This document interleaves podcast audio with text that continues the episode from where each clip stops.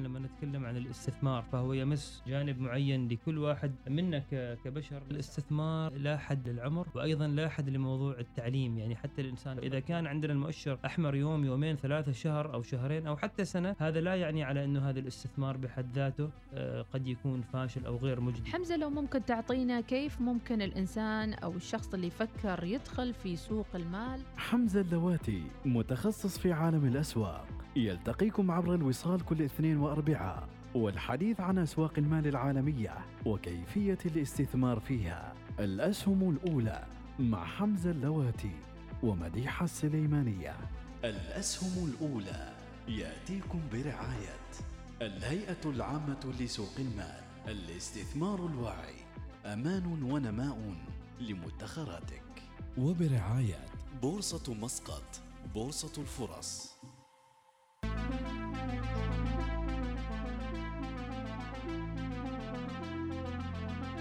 بسم الله الرحمن الرحيم. أسعد الله أوقاتكم بكل الخير والعافية. حياكم الله في حلقات الأسهم الأولى التي تتجدد في موعدها الساعة الواحدة وعشر دقائق ظهرا. وأيضا أجمل تحية لكل من يحرص على متابعتنا على سبوتيفاي وأيضا على بقية مواقع التواصل ويشاهدنا أيضا مرئيا على اليوتيوب.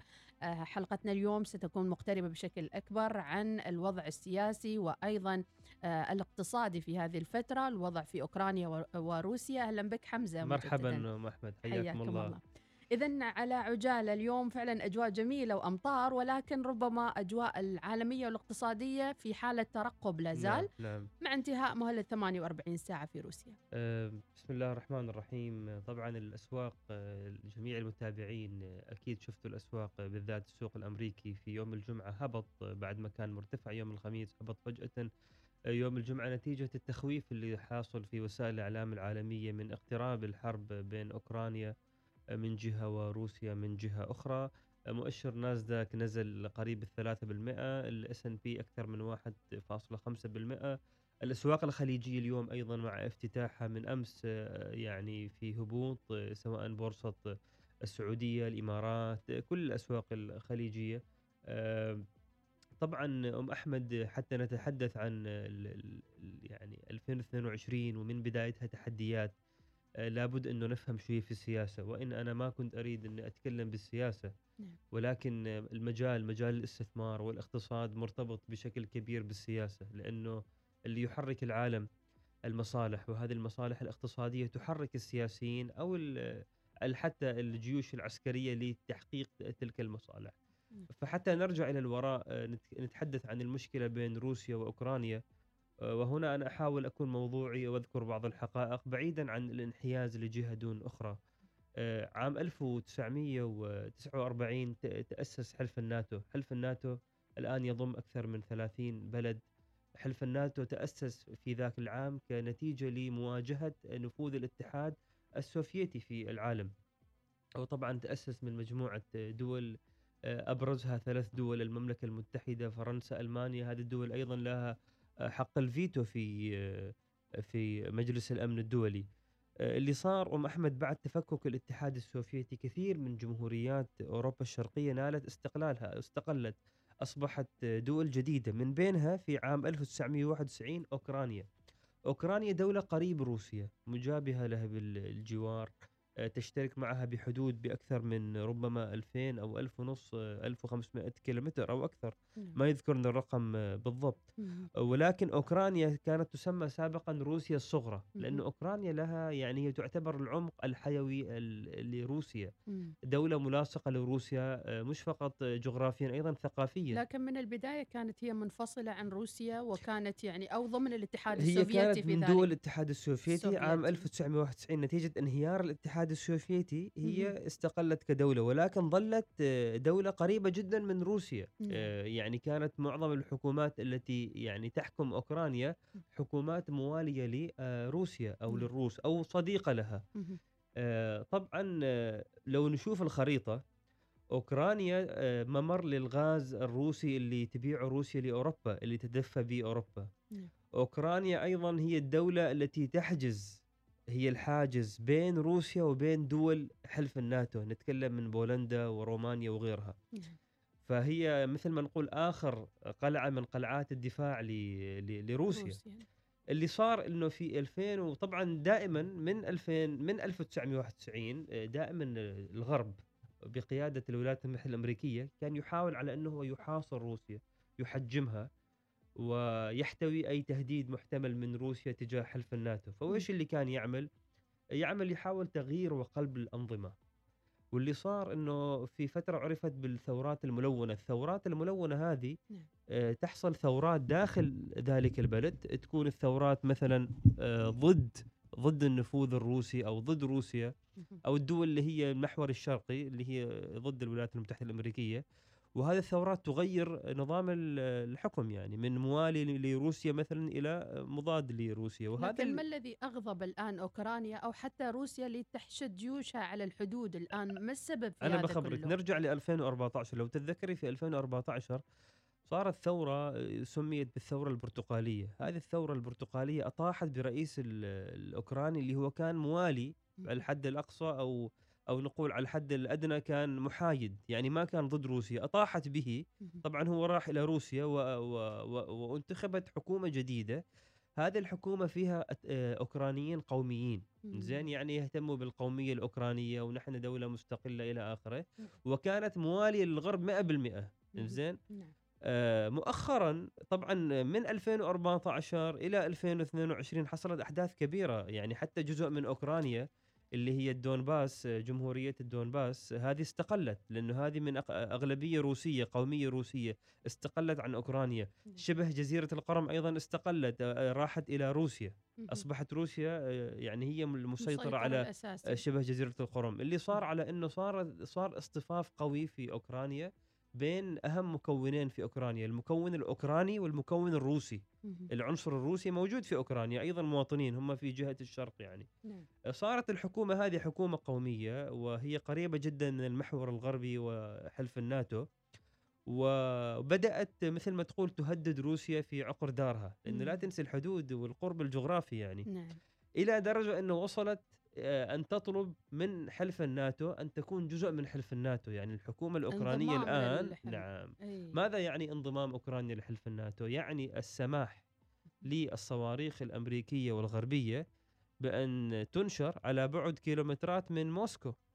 هذه الصواريخ صواريخ دقيقة صواريخ مضادة للطائرات تشويش آه، رادارات حركة يعني تجسس هذا يعني خلاص الانقضاض على ما تبقى من قوة لروسيا من نعم. بعد انهيار الاتحاد وخاصة السوفيتي. حمزة يمكن نقول أن روسيا صارت متوحدة بذاتها بشكل كبير صحيح. أعدائها أكثر من أصدقائها صحيح. وربما لم يتبقى لها إلا الصين بعض الشيء. صحيح. نضطر نوقف إلى فاصل ثم نعود ونستكمل معكم محاورنا في الأسهم الأولى.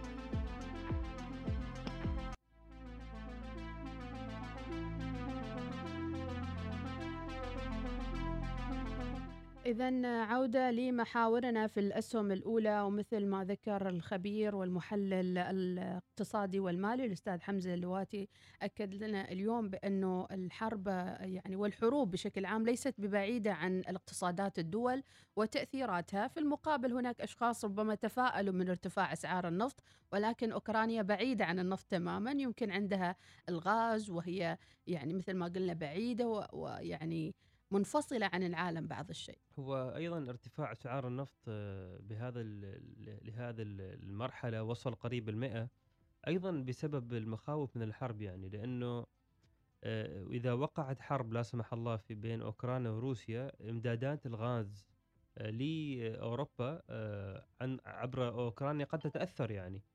لذلك نرجع نقول لأم أحمد اللي صار إنه أوكرانيا آه، رضت أو أرادت لنفسها أن تكون في مجابهة الروس. أرادت رضت أنها يعني تكون جزء من حلف الناتو. طبعا هم ما وافقوا على عضوية الآن ولكن هي تقدمت بالعضوية.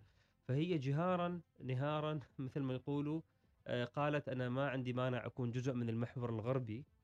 آه، بالتالي هذا يعني أنه خلاص آه، روسيا هي خصم لأنه في عقيدة حلف الناتو روسيا خصم. وهذه أنا أشوفها خطأ استراتيجي من أوكرانيا لأنه أوكرانيا بموقعها بين الغرب والشرق كان بإمكانها أن تكون ال- الدولة المحايدة التي هي تحاول أن تهدئ الأطراف المتخاصمة. وتكون على الأقل محايدة يعني ما تكون ضد روسيا ما تعمل ضد روسيا ولا تعمل ضد الغرب يعني تكون محايدة نق- ولكن ال ال ال الحكومة اليمينية هذه القومية يعني ما تعتقد بهذا الشيء. آه، بس الغريب في الموضوع هنا لازم أتوقف عند هذا الموضوع من آخر شهر آه، والإعلام الغربي يتحدث عن حرب مع روسيا وطريقة حديثه كانه روسيا هي اللي حتبدأ الحرب وهي سبب الحرب انه روسيا عندها أطماع وهي بتحتل آه، كييف نعم. والدول العظمى عادة ما تحتاج إنها هي تحتل ويعني تصرف على الحروب إلا إذا كانت هنالك فعلا تهديد جذري يعني مم. فالموضوع ليس بالطريقة اللي الاعلام يقول عنها الموضوع مم. على انه أوكرانيا بدأت وهذه البداية مش من الآن من 2014 نعم. ومرت أكثر من سبع سنوات والآن يبدو أن الروسي وصل إلى حافة يعني الغضب. نعم.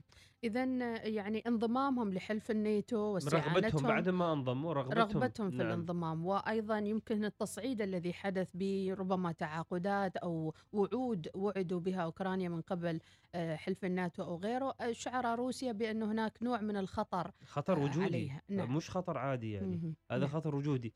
الآن نجي للانعكاسات الاقتصادية لهذه الحرب. إذا آه، لا سمح الله يعني اشتعلت. طبعا هنالك انعكاسات اقتصادية تمسنا جميعا. مم. اولا آه، في موضوع الغاز تكلمنا عنه. يعني أسعار الغاز آه، والنفط أيضا حترتفع ال- الحروب والتوتر اللي يصير. روسيا دولة نفطية. مهم. فمش إنه إذا أوكرانيا ما عندها نفط لكن روسيا دولة نفطية. فإذا إمدادات الغاز تأثرت من روسيا ال- النفط عفوا من روسيا بطبيعة الحال أسعار النفط قد تواصل صعودها أعلى من لاكثر ذلك. من ذلك. ما مهم. معنى هذا الشيء؟ معنى ارتفاع التضخم لمعدلات أكثر من المعدلات الحالية. الآن نحن عايشين في فقاعة من التضخم. نعم. حتى عندنا في السلطنة أكثر من 10% التضخم اللي صار في كثير من ال- البضائع الاستهلاكية. نعم. آه، السلع الاستهلاكية. ناهيك عن الضرائب والأوضاع اللي كانت آه، فيها تحديات. فنتكلم عن تضخم هذا يؤثر على حياة كل واحد منا يعني. في غير العالم عن اجراءات أخرى من البنوك زيادة الفائدة في- على القروض القيمة وغيرها من إلى الأخرى. آخره نعم. غير عن كذا آه، حالة عدم ال- يعني الاستقرار والتوتر اللي بتصير بين روسيا وأوكرانيا مهم. آه، قد تؤثر على صادرات أوكرانيا من القمح أوكرانيا من أبرز مصدري القمح لكثير من الدول العربية من مم. أبرزها مصر. لبنان العراق ودول خليجية أخرى مهم. القمح آه، أهميته لا تقل عن أهمية مواد أساسية كثيرة في حياتنا مثل الماء مصدر يعني الغذاء الأساسي صحيح، يمكن نقول عنه طيب بالنسبة لدول ال- الخليج بشكل عام ما هي التوجهات الآن أن ننأى بأنفسنا لأنه هو صراع أوروبي روسي أو يمكن يك- يكون. ما ما هو يعني هو توجه هو, الخليج هو لا لا يطالنا الصراع بشكل مباشر. ولكن إذا تكلمنا عنه خليني أكون اليوم سياسي مم. و- وأضع قبعة السياسة إذا تكلمنا عنه على المنظور الطويل والإستراتيجي هنالك احتمالين الاحتمال الأول أن تأتي أمريكا ل- لكي تساند أوكرانيا مم. في حربها مع روسيا إذا وقعت تلك الحرب وهذا الاحتمال يعني كأنه أمريكا تقول لكل حلفائها في العالم على أنه أنا لن أترككم أنا معكم في حال حصل خطر نعم. الاحتمال الثاني وهو احتمال أيضا موجود ومرجح أنه أمريكا لا تسا... لا يعني لا تأتي بالواجهة مع أوكرانيا. إنه مجرد تحاول بيع أسلحة إلى آخره ففي هذه الحالة هذه رسالة لكل حلفاء أمريكا في جنوب الأرض وشرقها وشمالها وغربها على أنه يعني أمريكا ترى ما توقف مع حلفائها ساعة الصفر يعني وهذه لها تداعياتها. آه، ال- ال- الدول والشعوب تعيد نظر آه، نسج علاقاتها الخارجية مع الولايات المتحدة. نعم في نقطة مهمة آه، حاب أذكرها. آه، الدول العظمى مثل الولايات المتحدة تارة تستفيد من الحروب، كيف ذلك؟ لأنه هذه الدول تصنع أسلحة مم. ومعتمده بشكل كبير على صناعة السلاح وبيعه. وخلال الثلاث سنوات الماضية يمكن الأسلحة مخزنة بشكل نعم. كبير وقوع يمكن حرب وقوع حرب بين أوكرانيا وروسيا مم. هذا أو أوكرانيا والغرب من جهة يعني أوروبا وروسيا هذا له مصالح أمريكية على الصعيد التالي، طبعا هذه مش حقائق ولكن تحليل. مم. آه النقطة الأولى إنه انتعاش سوق آه بيع الأسلحة في الولايات المتحدة الأمريكية، النقطه الثانية آه يعني تضعيف أوروبا وروسيا أيضا، لأنه أيضا أوروبا في النهاية قارة لها ثقلها يعني.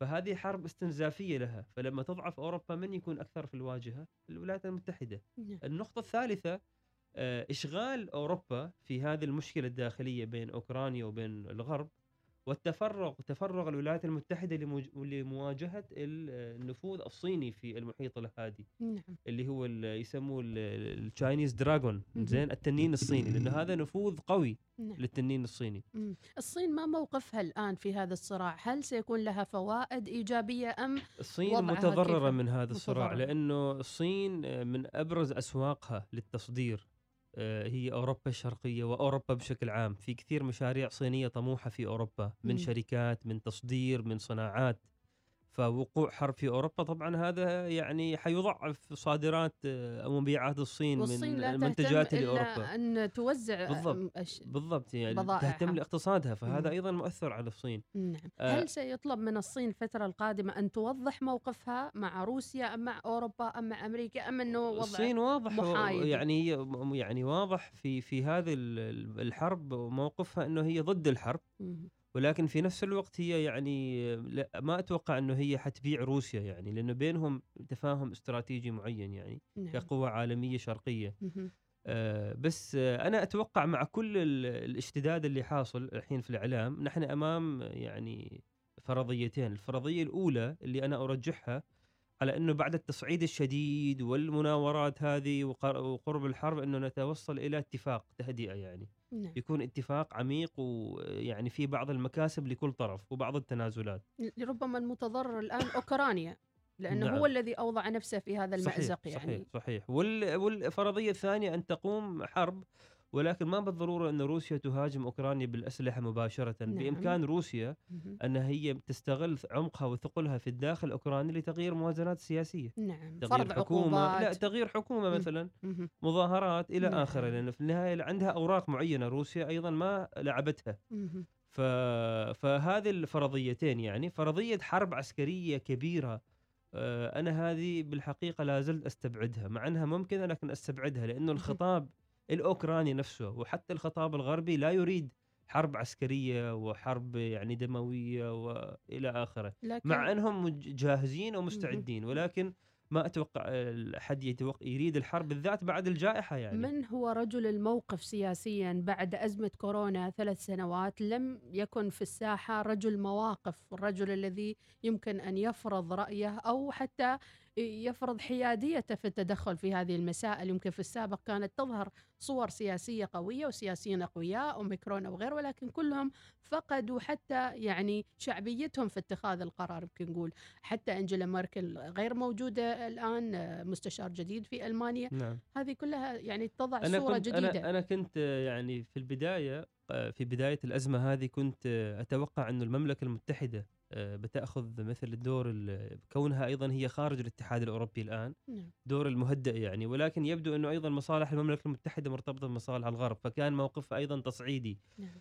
ف يعني أتوقع أن ال- الدول ال- أيضا المتجابهة لها وعي وأيضا لها نوع من ال... هي يعني دول أيضا قوية نعم. فتعرف مضار الحرب يعني نعم لكن على الصعيد ال- العام و- والإعلام بشكل عام آه، الصورة النمطية للقائد الفذ أو لل- للقادة الذين ممكن أن يشكلوا فارقا غابت عن الساحة الإعلامية منذ فترة فيمكن هذا يصعب أيضا استشراف ما الذي قد يحدث نعم أو لكن الدول العميقة لا زالت هي تحكم يعني في استراتيجيين كذا. فمع مع مع مع كثرة الصواريخ الآن نحن أمامنا نشوف الشاشة هنا نعم. التحليلات وكذا. وتعرف الإعلام في مم. النهاية يستفيد من حالة الخوف. طبعا. يعني الإعلام دائما ترويج الخوف هذه سلعته. نعم. ماذا عن أسواق الأسهم الآن؟ أسواق الأسهم والله كان فيها نزول يعني مم. بنتيجة المخاوف هذه.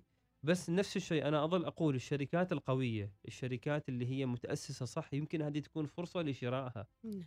يعني مع هذا الخوف الكثير اللي حاصل شركات نازلة إلى مستويات يعني قليلة هذه فرصة إنك تشتريها بأسعار منخفضة السوق يعني العمانية انخفضت 5% يمكن هذا بعيدا عن السياسة ولكن هل من توجه بشكل عام اللي ملاحظ مش فقط السوق العمانية الاسواق الخليجية تتفاعل سلبا عندما السوق الأمريكي يكون سلبي مم. يعني السوق الأمريكي تقدر تقولي هو أكبر سوق مؤثر على كل أسواق البورصات في العالم فإذا نزل السوق الأمريكي بشكل كبير مثلا إذا نزل السوق الأمريكي اثنين ربما الاسواق ال- دول العالم الثالث تنزل أربعة أو خمسة في المئة. يعني أكثر حتى. أكثر. نعم نعم, نعم. وهكذا. ما النصيحة اليوم ننصحها متابعينا مع وجود هذه الأزمة النصيحة السياسية؟ الاستثمارية على أنه الأزمات موجودة من في عمر البشرية مش جديدة. الحروب موجودة مع طبيعة البشر.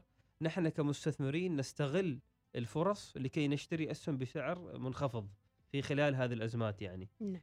بحيث إنه لما الأزمة تنتهي لازم كل أزمة تنتهي ترجع الاسهم هذه ترتفع, ترتفع. يعني وانت بهذه الطريقة كسبت اذا فرصة للشراء والبقاء على اسهمنا نعم. الموجودة عدم أما الخوف و- ومثلا تسييل المحفظه نقول خلاص بنبيع الأسهم كلها هذه ما أشوفها ليس الرأي المناسب آه، ما أشوفها مجدية يعني نعم. نعم.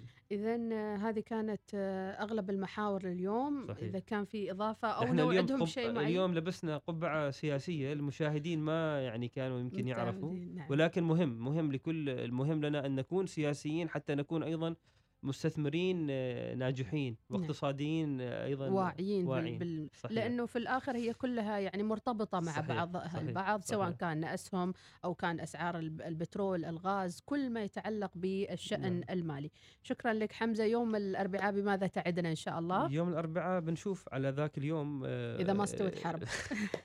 التغيرات الجديدة نعم، إن شاء الله. نعم. كل التوفيق لك أستاذ حمزة شكرا لبقائك معنا في هذه الحلقة المميزة من الأسهم الأولى تحدثنا عن الأوضاع السياسية في أوكرانيا وتاثيراتها على الاقتصاد بشكل عام ودور روسيا وبقية الدول آه، وحلف الناتو في آه، يعني تخفيف أو من زيادة هذه الأزمة الاقتصادية. شكرا لكم متابعينا على حسن المتابعة. نوعدكم إن شاء الله بحلقة أخرى مميزة من الأسهم الأولى يوم الأربعاء. هذا البرنامج يأتيكم برعاية الهيئة العامة لسوق المال وبورصة مسقط.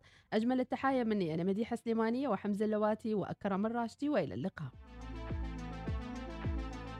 لما نتكلم عن الاستثمار فهو يمس جانب معين لكل واحد منا كبشر. الاستثمار لا حد للعمر وأيضا لا حد لموضوع التعليم. يعني حتى الإنسان إذا كان عندنا المؤشر أحمر يوم يومين ثلاثة شهر أو شهرين أو حتى سنة هذا لا يعني على إنه هذا الاستثمار بحد ذاته آه، قد يكون فاشل أو غير مجدي. حمزة لو ممكن تعطينا كيف ممكن الإنسان أو الشخص اللي يفكر يدخل في سوق المال؟ حمزة اللواتي متخصص في عالم الأسواق. يلتقيكم عبر الوصال كل اثنين وأربعاء والحديث عن أسواق المال العالمية وكيفية الاستثمار فيها. الأسهم الأولى مع حمزة اللواتي ومديحة السليمانية. الأسهم الأولى يأتيكم برعاية الهيئة العامة لسوق المال الاستثمار الواعي. أمان ونماء لمدخراتك. وبرعاية بورصة مسقط بورصة الفرص.